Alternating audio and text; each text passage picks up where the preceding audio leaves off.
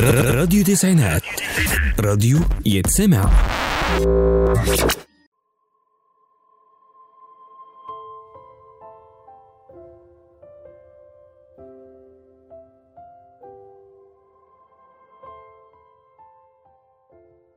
مساء الخير عليكم. معاكم روان وائل في برنامج أصل الحكاوي من راديو تسعينات.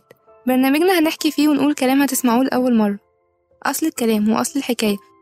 عمرنا ما سألنا نفسنا الكلمة دي جت منين؟ طب أصلها إيه؟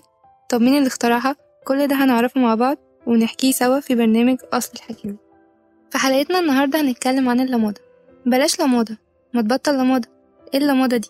عبارات كتير بنسمعها في حياتنا وكمان في مسلسلاتنا وأفلامنا زي فيلم بطل للنهاية اللي اتعرض سنة تسعة وستين. لكن يا ترى إيه أصل كلمة اللمادة دي وجايلنا منين؟ اللمادة هي كلمة هيروغليفية أصلها جاي من كلمة مدو اللي معناها الجدل والنقاش. وبمرور الوقت اتنقلت الكلمة من الهيروغليفية للقبطية لحد ما وصلت بالسلامة للهجتنا العامية وكمان أمثالنا الشعبية. خصوصا لما نلاقي حد بيدي لنفسه أهمية على الفاضي زي الفجل متحزم على اللمادة ودخلت اللمادة كمان في أفلامنا من خلال فيلم اللمادة اللي قدمته النجمة شريهان سنة تسعة وتسعين. وكده وصلنا لنهاية حلقتنا واستنوني في حلقة جديدة من برنامج أصل الحكاوي.